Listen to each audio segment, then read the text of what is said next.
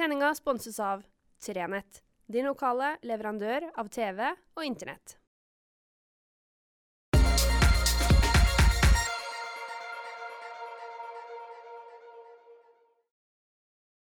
Riktig god fredag. Ja, For det er en god fredag, selv om det ikke ble den fredagen jeg hadde håpa det skulle bli. Jeg hadde en helt annen plan både for denne fredagen og for denne helga. Vi skulle, vi skulle jo konsertere en masse med koret jeg synger i. Skulle ha konserter på Skjervøy, og så skulle vi i morgen lørdag dra til Tromsø og ha konsert i Domkirka. Og da skulle jeg benytte anledninga til å besøke familien og utveksle litt julegaver, nå som det begynte å nærme seg. Ja, i det hele tatt. Og så kommer altså omikron og full nedstenging igjen. Eller ikke full nedstenging, det var vel kakken verre forrige gang. Men eh, det føles ille nok, så absolutt. Og det kom noen restriksjoner oppi det hele som gjorde at for et kor som har klart kunststykket å vokse seg både stort og kraftig Vi er faktisk med musikere og dirigent godt over 40 stykker. av Det er jo imponerende for et, et relativt lite bygdekor. Men det, Imponerende er jo bra, men i dette tilfellet hadde det nesten vært bedre å vært en liten, et lite vokalensemble, en liten søt sanggruppe. Så hadde vi kanskje klart å gjennomføre det her på en litt annen måte. Men det gikk ikke. Det var ikke kjans i havet. Uansett hvordan vi snudde og vendte på det. Og så hadde vi medlemsmøte på onsdag. og det var mange som tenkte og prøvde og enn om og visse om. Og ja, men vi kan gjøre sånn, og huff og huff og huff. Og så er det ei som rekker opp handa.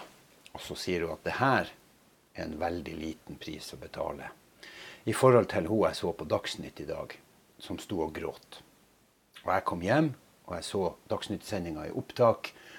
Og jeg så denne samme kjempeslitne kvinnelige intensivsykepleieren ved Ahus, hovedsykehuset på Østlandet, som var så utslitt, og som så den ene kollegaen etter den andre gå ut døra og ikke komme tilbake fordi de føler at eh, det de gjør, ikke har noe effekt. At, ikke, at de ikke får den oppbackinga som de ønsker. At de ikke får nok kollegaer. Og at eh, det rett og slett er for tungt, for vanskelig og for krevende, det som vi står i. Og da skjønte jeg hva hun som rekte opp handa på korøvinga, sa. Enda bedre.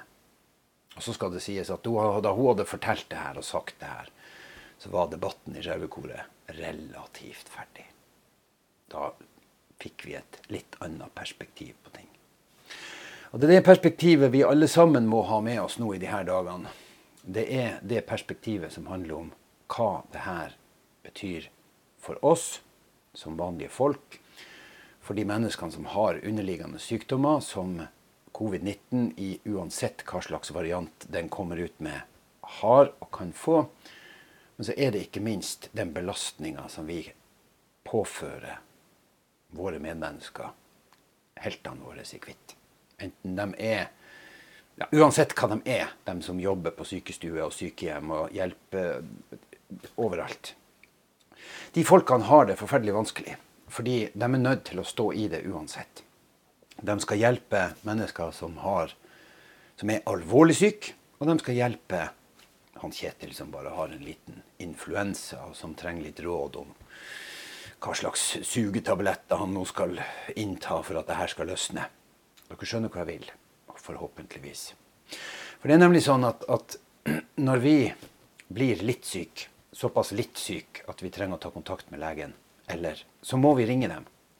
Og de står med hele kroppen ned i covid-gjørma hvis man skal være litt flåsete i begrepene.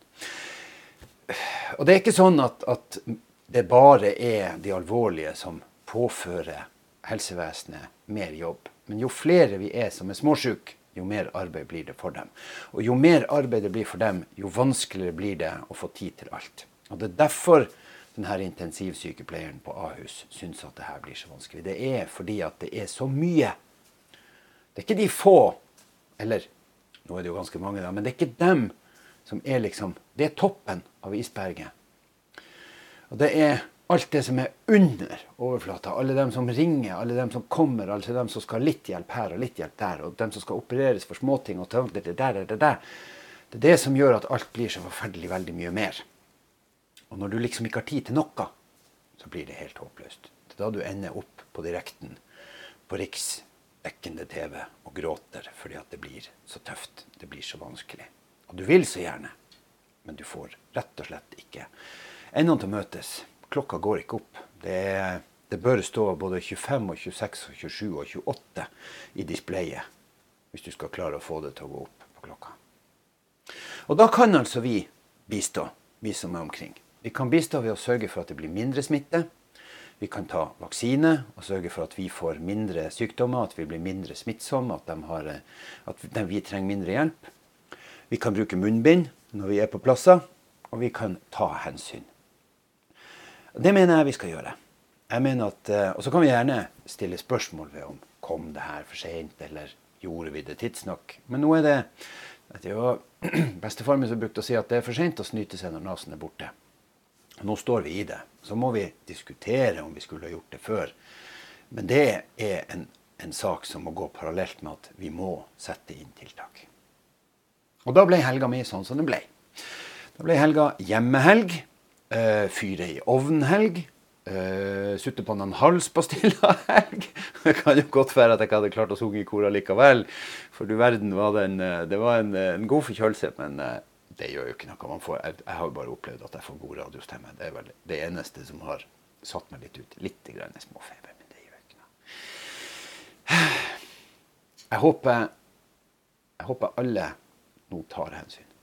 Jeg håper alle følger de rådene og de anbefalingene og de reglene som er kommet. At vi holder både meteren, at vi overholder de kravene som kommer til juleselskap og antall besøkende osv. osv. Det er vanskelig. Og jeg forstår utelivsbransjen som syns det her er skjøyt, og jeg er tilbøyelig til å være enig med dem som frykter at eh, reglene om skjenkestopp etter klokka tolv kommer til å medføre uoversiktlige hjemmefester. Det er jo de tingene som jeg er kritisk til. Det tror ikke jeg var et, et, et bra råd. Eh, jeg tror man skulle ha latt utestedene få lov å skjenke, for da hadde man unngått eh, hjemmefester som man ikke har kontroll på. Men det er en annen diskusjon. Samtidig med den diskusjonen så må vi overholde de andre reglene som er. Det er en eh, balansegang, men jeg håper i hvert fall at dere får ei god helg. Og at vi kommer ut av også det her på en god måte. Og så høres vi igjen. Og i mellomtida Bruk munnbind, bruk refleks, og så høres vi igjen.